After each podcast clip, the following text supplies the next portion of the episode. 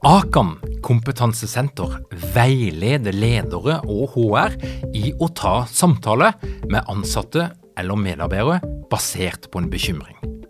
Akan setter ledere og medarbeidere i stand til å forebygge og håndtere en problematisk bruk av alkohol, narkotika, legemidler, spill eller doping blant ansatte. Ønsker du å lære mer om god forebygging og gjennomføring av samtale med en som du er bekymra for? Da kan du nå få tilgang på Akan sitt digitale samtalekurs til spesialpris, kun 760 kroner. Målet med kurset er å gjøre deg tryggere i det som kan være en krevende, men viktig samtale å ta i lederrollen.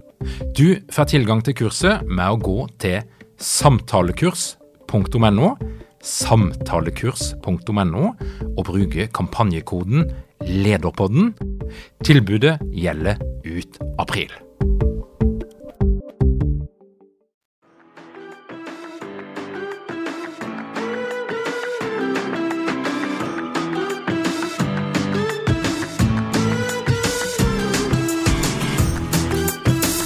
Velkommen til Lederpodden. Mitt navn er Tor Åge Eikerapen. Jeg jobber som organisasjonspsykolog, og dette her er en podkast om ledelse. Nå er tida inne for å bygge kultur. Men hva er egentlig organisasjonskultur? Og hva er det du som leder kan gjøre for å skape den kulturen som du eller dykken ønsker? Dette her kulturbegrepet kan framstå som ganske fluffy, men i dagens episode så skal vi prøve å gjøre det mer konkret og håndgripelig for deg som er leder. Rune Semundset han er en driftig og kreativ mann som blant annet har skrevet boka Medarbeiderkoden og kulturkoden, og han er ganske snart aktuell med en ny bok om lytting, og han driver òg med noe så spennende som kulturanalyse i norske virksomheter. Velkommen til Lederpodden, Rune. Takk for det. Rune, du gjør masse forskjellig. Det, det, det er, altså jeg greier ikke å komme igjennom alle de tingene som du holder på med. Det handler om ledelse, det handler om kultur, det handler om medarbeiderskap, og det handler om det indre livet i organisasjonene. Men, men hva er det som du brenner for? Hva er det som ligger bak alt dette her engasjementet?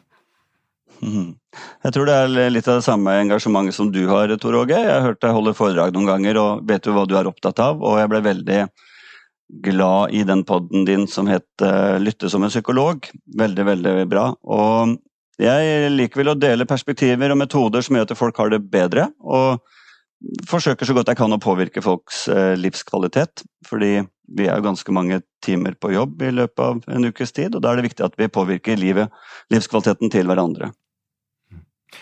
Og Rune, kultur det er noe som du både har skrevet om, det er noe som du, du jobber med. Og, og, men, men, hva er det egentlig? Hva legger du i dette her kulturbegrepet som nå repeteres eh, i alle kanaler, føler jeg? Alle snakker om kultur, men hva er det egentlig? Mm. Ja, det kan jo være litt sånn abstrakt ord. Um, noen sier at kulturen, kulturen sitter i veggene. Det tror jeg egentlig ikke er helt korrekt. Det sitter vel mer i hjertet og i hjernen. Eh, og kultur, det, kommer fra det latinske ordet 'cultura', som betyr å dyrke. Så hva ønsker vi å dyrke i vår virksomhet, er jo et grunnleggende viktig spørsmål da. Eh, og for å få litt orden på kulturbegrepene, så bruker jeg rammeverket til Edgar Schein, i likhet med mange andre ledelsespraktikere, men også ledelsesteoretikere. Så er Edgar Schein et veldig fint rammeverk å forholde seg til. og da da peker han på kulturelementer som verdier, eh, normer, altså spilleregler, artefakter, som er mer symbolske uttrykk for kultur, og antagelser og oppfatninger. Det er det rammeverket som Edgar Schein har servert oss, så da bruker jeg det. Og, og hva er det som da kjennetegner en god kultur, en dårlig kultur, en tilfeldig kultur? For det er det jo en del av. Altså kultur som bare Det ble bare sånn. Mm.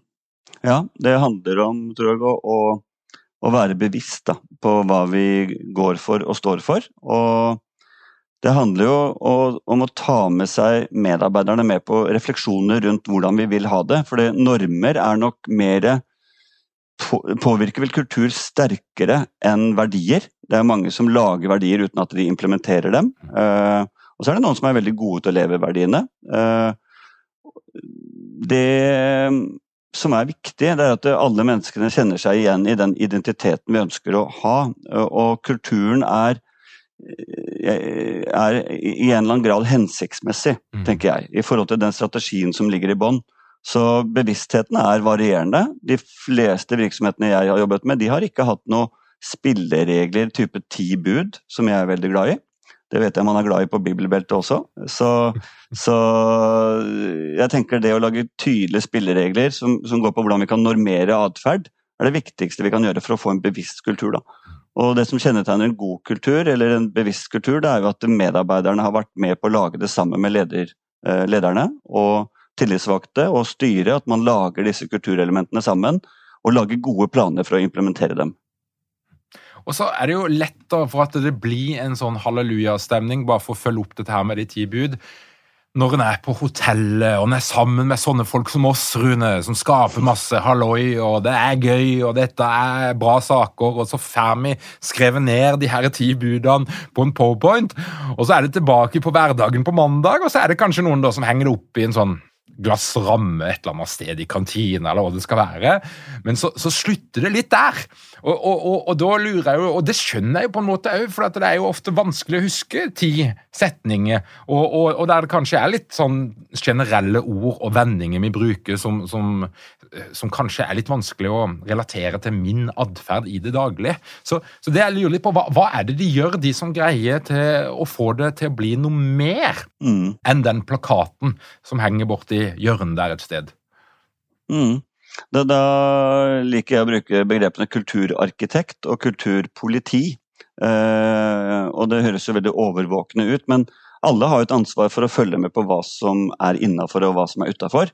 Så, så, vi har jo bl.a. et eh, bud, som bud nummer syv. Det er når, eh, når du har et problem, så skal du ikke formidle det problemet før du har minst et løsningsforslag.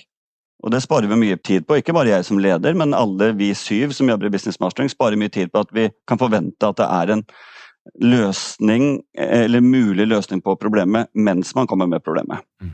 Så det er bud nummer syv, og det er jo det å lage spilleregler som gir mening, da, og som gjør at verdiene også blir tydeligere. Uh, og så lage artefakter som igjen uh, styrker både verdier og normer. Så det er en sammenheng. da. Jeg, jeg, liker at vi lager verdier først, og så blir vi mer konkrete etter hvert med å med å lage konkrete spilleregler og artefakter.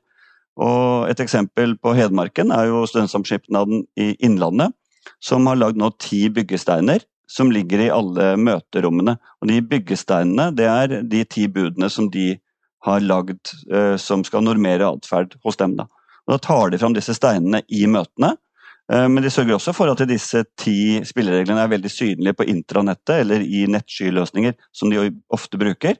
Og så får de alle avdelingsledere og, og teammedlemmer til å stå opp for disse spillereglene. Så planen for implementering den eh, er som regel for dårlig. Så det å lage en god plan for å implementere verdier og normer, det er noe jeg ofte savner i virksomheter, men som noen få er gode på. Og som flere kan bli gode på. Mm. Hva, hva er det som kjennetegner den tida vi lever i nå? Altså, Post-covid, eh, hjemmekontor skal reduseres, folk skal fristes til å komme tilbake til arbeidsplassen sin. Mm. Og, og, mange snakker om at nå må vi bygge kultur, nå må vi bygge relasjoner. Men, men hvilke type kulturelle utfordringer og muligheter er det virksomheter kan stå i akkurat nå? Ja, det er jo naturlig å tenke på lederens eh, styringsrett. Eh, vi har eh, loven med oss når vi kan kreve at folk drar tilbake til kontoret. Og så er det det å finne gode løsninger eller gode hybrider da, mellom hva mennesket vil og hva virksomheten vil. Jeg tror ganske mange mennesker er blitt ganske glad i joggebuksa si. Og jeg må si at jeg har kjent litt på det sjøl innimellom at det er deilig å ta på seg joggebuksa og drikke kaffe, og så plutselig er det lunsj, og så ringer man ut til noen. Eh, man blir litt lat og litt apatisk av det òg, eh, kanskje min opplevelse. Vel, jeg begynte å skrive på min ellevte bok da, istedenfor å sitte og gråte over at pandemien ødelegger for våre muligheter. Så, så begynte jeg på andre ting, da.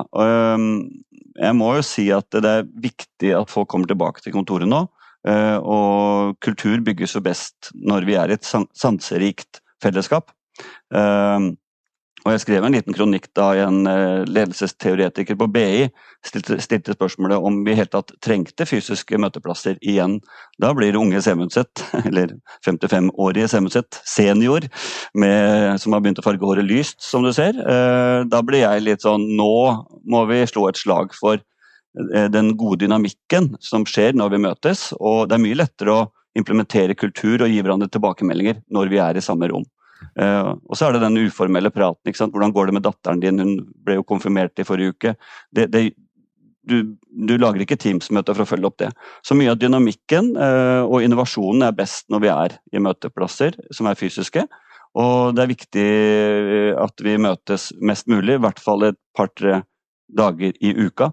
At folk kan forvente å møte folk i kontorene. Mm. For slik bygger vi kultur eh, på en bedre måte enn hvis vi sitter for spredt.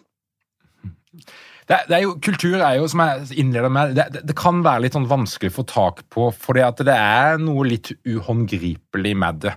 Altså Det er en psykologisk dimensjon, en usynlig dimensjon. Men allikevel så er det jo en del forsøk som er blitt gjort på å fange det opp. Mm. og jeg, jeg, leste en, en artikkel i Dagens Næringsliv på den tida når kommunene skulle slå seg sammen. Og Da vet jeg at det var noen eh, godt betalte konsulenter som reiste fra kommune til kommune med et amerikanskutvikla verktøy for å måle kultur. Mm. Eh, og så skulle en da, basert på den eh, målinga, fortelle noe om hva slags kultur man ønska, og så skulle en utforme kulturen i den nye, sammenslåtte kommunen. Altså en ganske god businessmodell, da. Eh, men så er jo jeg alltid litt skeptisk til ja, flott, kult, gøy, men funker det? Leverer det? Og spørsmålet er jo rett og slett, Rune, kan kultur måles? Kan vi putte kultur inn i et Excel-ark og analysere det og få ut noen kule grafer som kan gi oss noe nyttig? Svaret er jo ja, eh, det kan vi. Eh, vi kan analysere eh, faktorer som beskriver kultur. Eh, jeg tror nok ikke all, alt som kommer fra USA kan brukes i Norge. I hvert fall ikke Donald Trump. Men eh, det er veldig mange amerikanske konsepter som ikke passer inn i Norge, av flere grunner. Eh, en av de er jo at vi har en helt annen organisering og et mye mer egalitært samfunn enn det vi ser i USA. Og, det er flatere strukturer og, og mindre selskaper.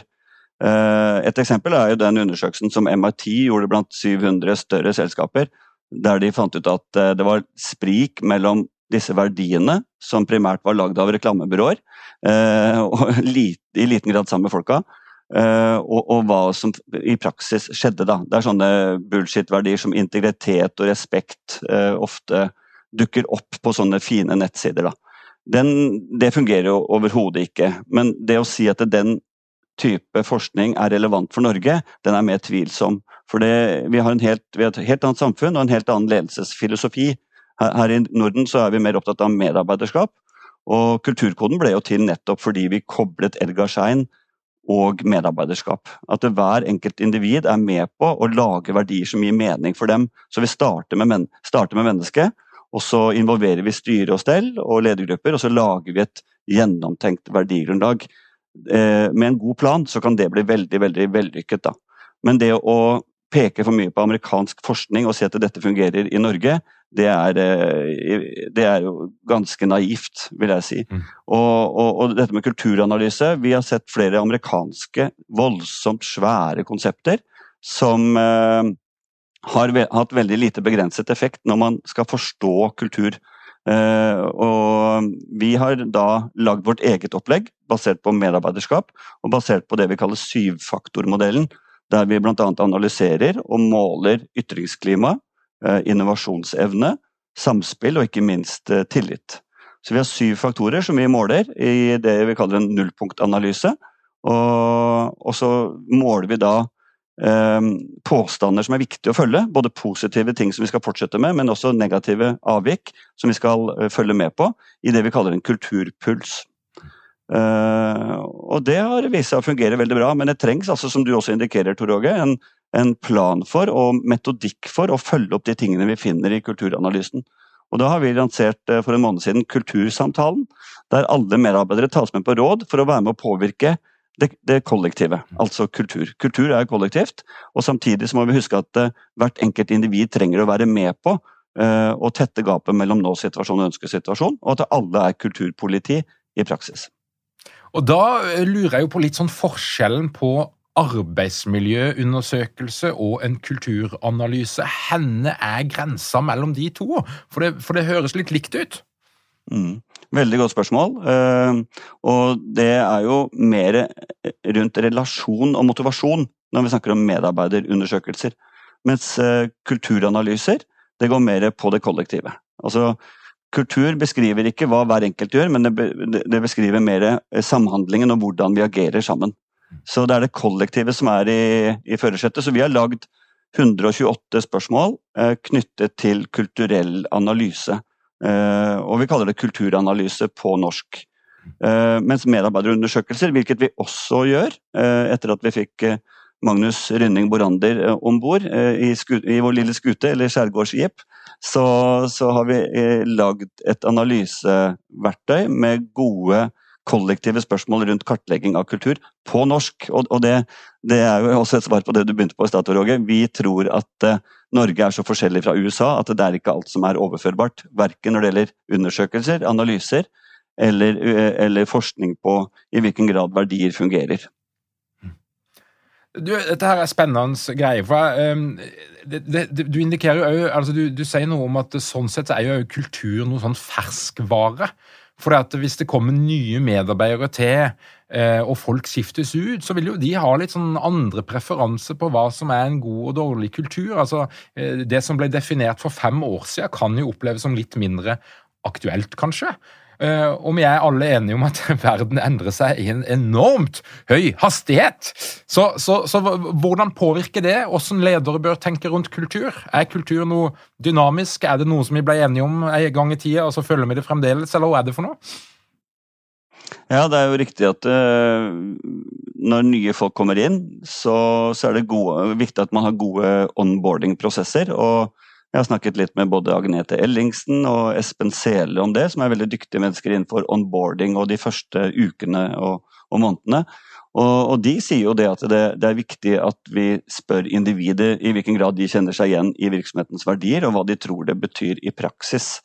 Eh, og gode onboarding-prosesser innebærer også at hvis, hvis, du skulle begynne å jobbe hos oss, Tor det hadde vært en våt drøm, by the way. Dette var, et, eh, dette var faktisk en invitasjon. Det, når som helst du har lyst til å begynne å jobbe i business mastering, så må du si ifra. Men jeg håper du ikke blir fornærmet av, eh, av denne invitasjonen. Men det hadde vært herlig å sett sånne folk som deg i, i vårt team, da. men til, tilbake til saken. hvis du skulle søke på jobb hos oss, da, jeg vet at det er veldig hypotetisk, så, så vil jeg spørre hva er dine verdier, Tor Åge? Hva er viktigst for deg i ditt liv? Eh, og nå som du er småbarnsfar, hvordan ser uka ut? Um, og, og, hva er aller viktigst for deg for å skape en god livskvalitet? Og da vil jeg utfordre deg på dine personlige verdier, og hva som er aller, aller viktigst. Uh, og så ville, så ville, vi da tatt en liten refleksjon rundt hvordan henger Tor Åge Eikerapen sine verdier sammen med våre verdier i business mastering, som er bedre enn i går, skikkelig og innlevelse. Det er våre tre verdier. Og så kunne vi hatt en refleksjon på hvordan passer Tor Åge inn i Business Mastering sitt verdigrunnlag. Det foreslår jeg i, i gode onboardinger, og dette syns også Espen og Agnete er gode refleksjoner. Og så er det svært få som gjør det, av en eller annen merkelig grunn. Ja, for, for, det er jo noen sånn missing link her, både når det kommer til onboarding, når det kommer til rekruttering. Eh, så er jo da min opplevelse på akkurat, akkurat helt likt inn. Min opplevelse den er ikke basert på forskning, den er basert på erfaring. Det er at veldig få snakker om dette her i rekruttering, og at de i liten grad har noen metodikk eller noen systematisk måte å gjøre, gjøre det på. Mm. Det er et fåtall foreløpig, da, men så får vi håpe at det Har dere mange ledere uten trening eller utdannelse innen ledelse? Mangler dere en felles kultur og praksis for ledelse?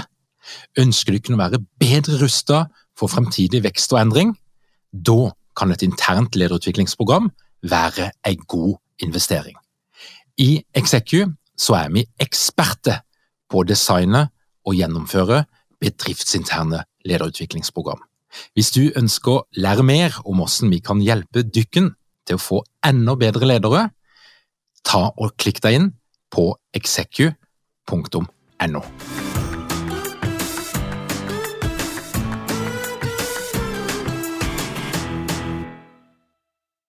denne type podder, og dyktige konsulenter som Agnete Ellingsen og Espen Sele og andre som jobber med onboarding, eh, klarer å påvirke nok beslutningstagere til å forstå verdien. Men det finnes selskaper som gjør det, f.eks. IT-selskapet Puzzle Part. Eh, de eh, inviterer folk til refleksjoner rundt individuelle verdier og selskapets verdier, og ser på i hvilken grad de korrelerer. Det samme gjør de i Avella, og i Stormberg vet jeg at det er veldig veldig viktig at vi snakker om hva disse tre verdiene som de har, betyr i praksis. Så det er noen som er veldig gode, men de, de er i fåtall. Men eh, mens du er inne på det, du er jo innom et, et høyt antall eh, virksomheter i løpet av et år, og, og, i din karriere så har du sett mye rart og mye gøy. Hvem er det som er flink tenker på kultur sånn generelt.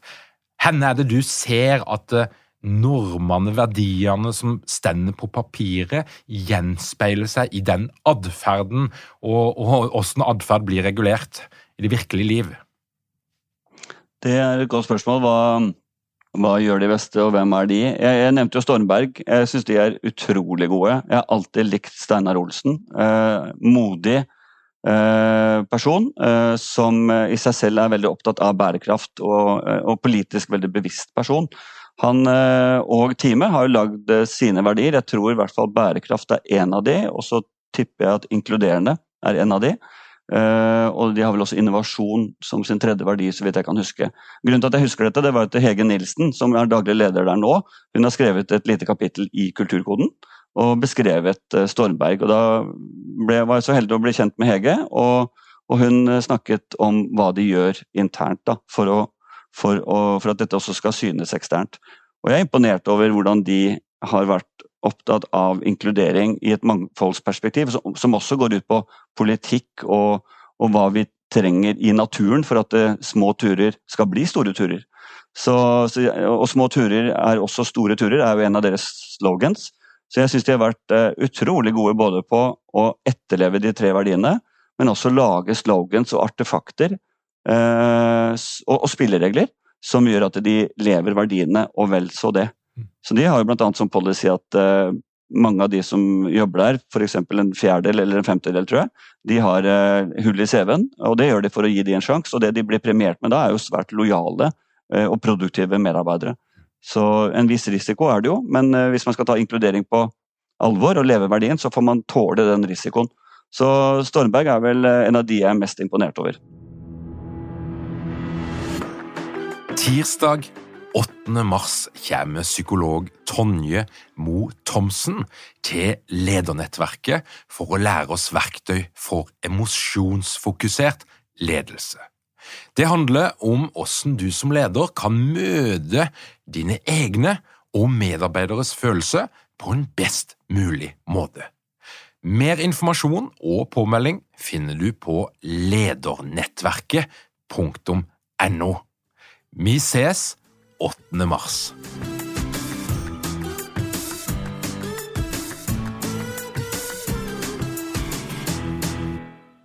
Dette her med sammenslåinger nå, nå, er, den verste Nå er vi jo kommet på retur, for nå skal jo nå skal en, noen fylker oppløses, og, og, det skjer eh, ganske mye ja, voldsomme ting som en kan riste mm. litt på hodet fra et organisasjonsperspektiv, eller fra vårt perspektiv. Eh, og, og, og, hva er det de holder på med, kjære politikere? Jeg ser det ikke noen medarbeidere her. Men eh, vi skal ikke la den gå, gå for langt. Men, men det å slå sammen kulturer det skjer jo hele tida. Nå hadde vi eh, en, en, kommunal- og regionreform som gjorde at det skjedde i en ganske eh, høy frekvens og eh, stort volum, der en fikk kjenne litt sånn ekstra på det, men, men sammenslåinger av ulike slag skjer jo hele tida. Og, og, det som av og til gjør sammenslåing litt vanskelig å få til å lykkes, det er jo at det er svært ulike kulturer, men det er jo litt vanskelig å spesifisere hva som er ulikt, før kulturene er sammenslått og konflikten er et faktum. Åssen skal en greie å lykkes med dette her? Det å slå sammen virksomheter, om det er en kommune, om det er et privat selskap, en stor bedrift kjøpe en liten bedrift. Men, men min opplevelse er at her er det en del jobb å gjøre, og at uh, den type endring eh, blir ofte ganske Altså, det, det, det, de blir veldig forsinka med å få opp farta fordi det er ikke tenkt nok på kultur. Er det noen mm. betraktninger rundt dette her, Rune? Ja, hva tenker du, da? Nei, jeg syns det er litt sånn kilente. Altså. Jeg, må i hvert fall, eh, jeg tenker iallfall at en må, eh, en må få satt ord på det. Eh, mm. Men, men, men, jeg er usikker på om hvor lett det er å sette ord på de ulikhetene før sammenslåinga har funnet sted. Mm. Men når sammenslåinga har funnet sted, og ulikhetene faktisk kommer opp i form av ulike konflikter og skuffelse og forventninger som blir brutt, så må en iallfall ha en eller annen arena for å få det fram. Mm. Ellers så blir det jo noen elefanter i rommet som tar utrolig mye plass. Mm. Og som forsinker hele denne prosessen med å få til en eller annen synergi. Mm. Ja, det er jo krevende, for det, det er ikke rart at uh, en person på Geilo kjenner lite uh, hva skal vi si, lokal tilknytning til Fredrikstad. Altså, det ble jo Viken. Jeg, kan forstå det at det er det er en identitet i det å være en fra Østfold, uh, være en fra Telemark osv., uh, være en fra Vestfold.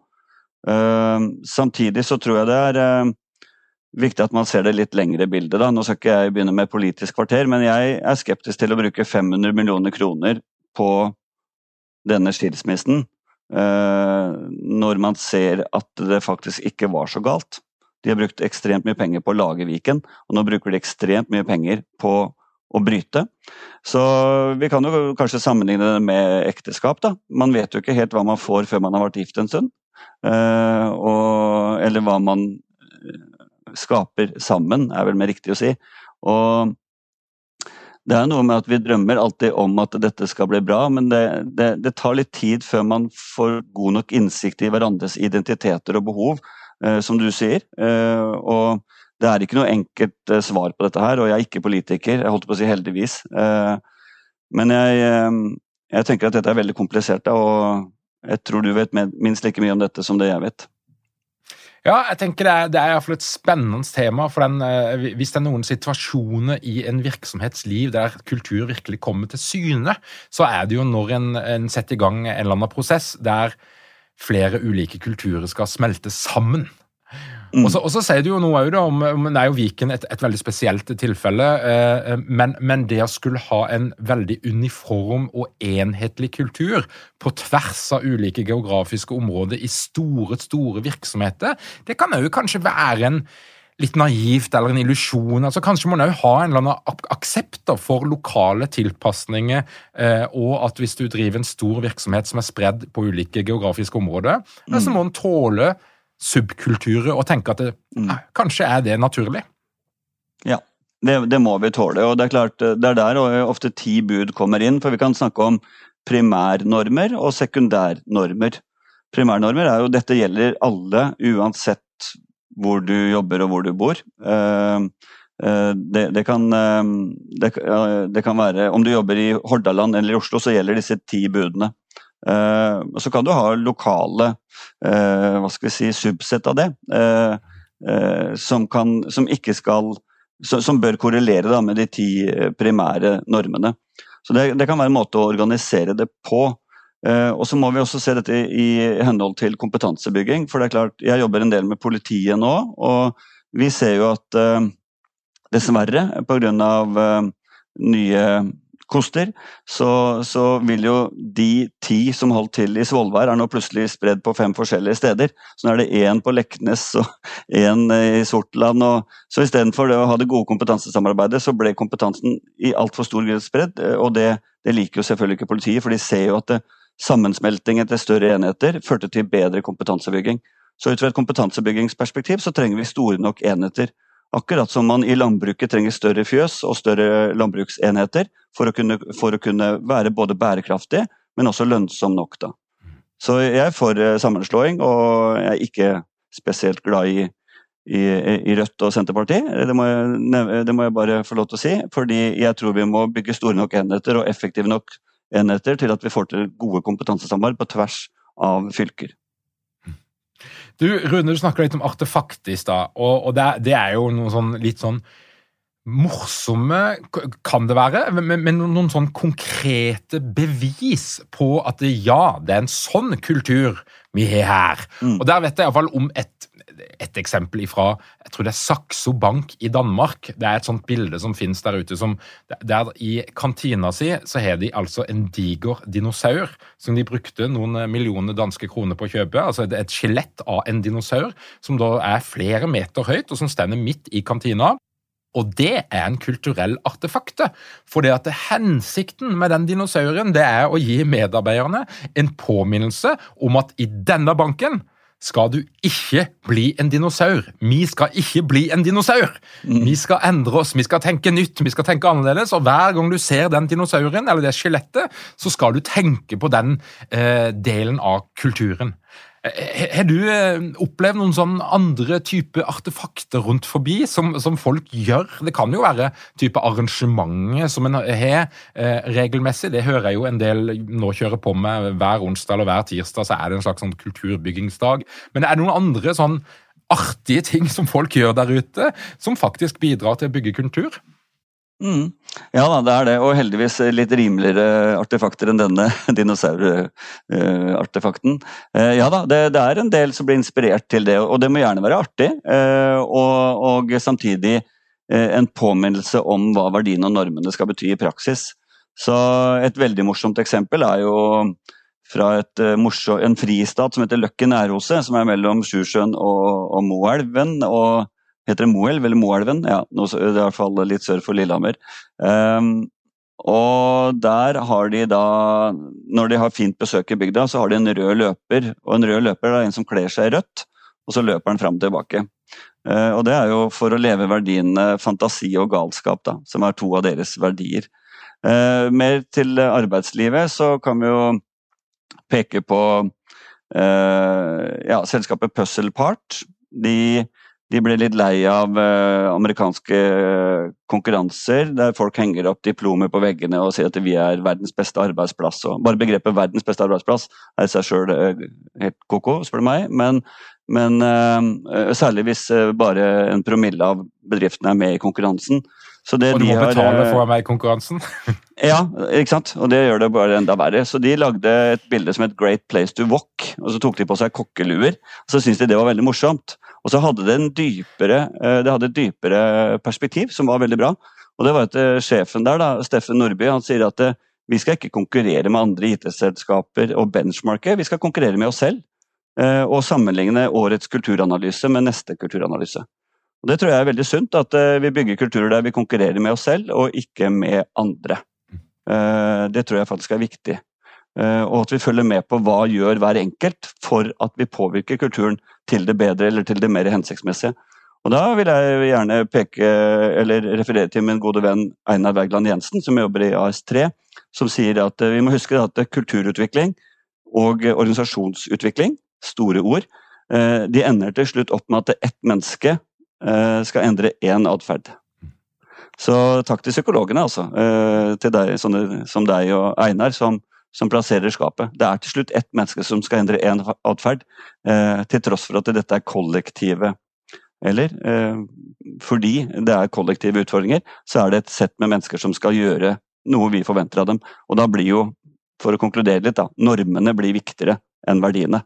Eh, men det er viktig at verdiene, hvis de finnes, ikke blir sparket ben på. For jeg har vært borti selskaper som har hatt punktlighet som verdi, og så har halvparten av ledergruppa kommet for sent til, eh, til ledermøtene eh, eller til fellesmøtene, og da er det bedre å ikke ha verdier, tenker jeg da. Mm. Men uh, verdiene til Stormberg fungerer utrolig bra. og det er også andre selskaper som har vært veldig verdibevisste. F.eks. IT-selskapet Miles tas jo ofte fram. Og, og, og mange, mange, selskaper rundt omkring som faktisk lever verdiene. Men jeg vil tro at tre av fire de lager verdier uten å implementere dem. Dessverre.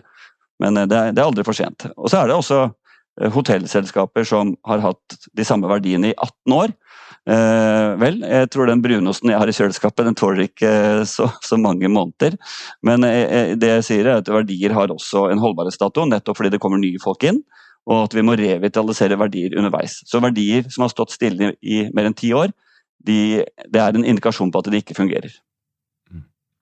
Rune, lederne som hører på Lederpodden og som nå tenker at nå, nå, skal jeg ta noe grep her for å begynne å bygge kultur, eh, så kunne, er det lett å anbefale de å lese dine bøker og, og, og, og, ta i bruk din metodikk og kanskje ringe til deg, og det kan godt være at noen gjør òg, men, men, men, hvis vi skal tenke det de kan gjøre sjøl, da, eh, uten å involvere så mange andre enn de som finnes i selskapet, hva er det viktigste ledere kan gjøre mandag morgen for å starte en prosess for å bygge en ønska kultur? Da tenker jeg at lederen som rollemodell er utrolig viktig. Eh, jeg nevnte dette med punktlighet i stad. Altså at ledere virkelig lever verdiene og, og, og peker på normene når eh, vi ser atferdsbrudd. Fordi normene skal være med å normere atferd, og da er det viktig at lederne følger med, men eh, også få folk til å følge med.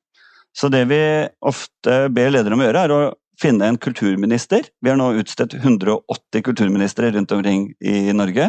Og det er en autonom gruppe, litt sånn som Google Aristotle. jeg vet ikke om du kjenner til det. Mm. Men autonome grupper har en tendens til å ha sitt eget liv og sin egen dynamikk.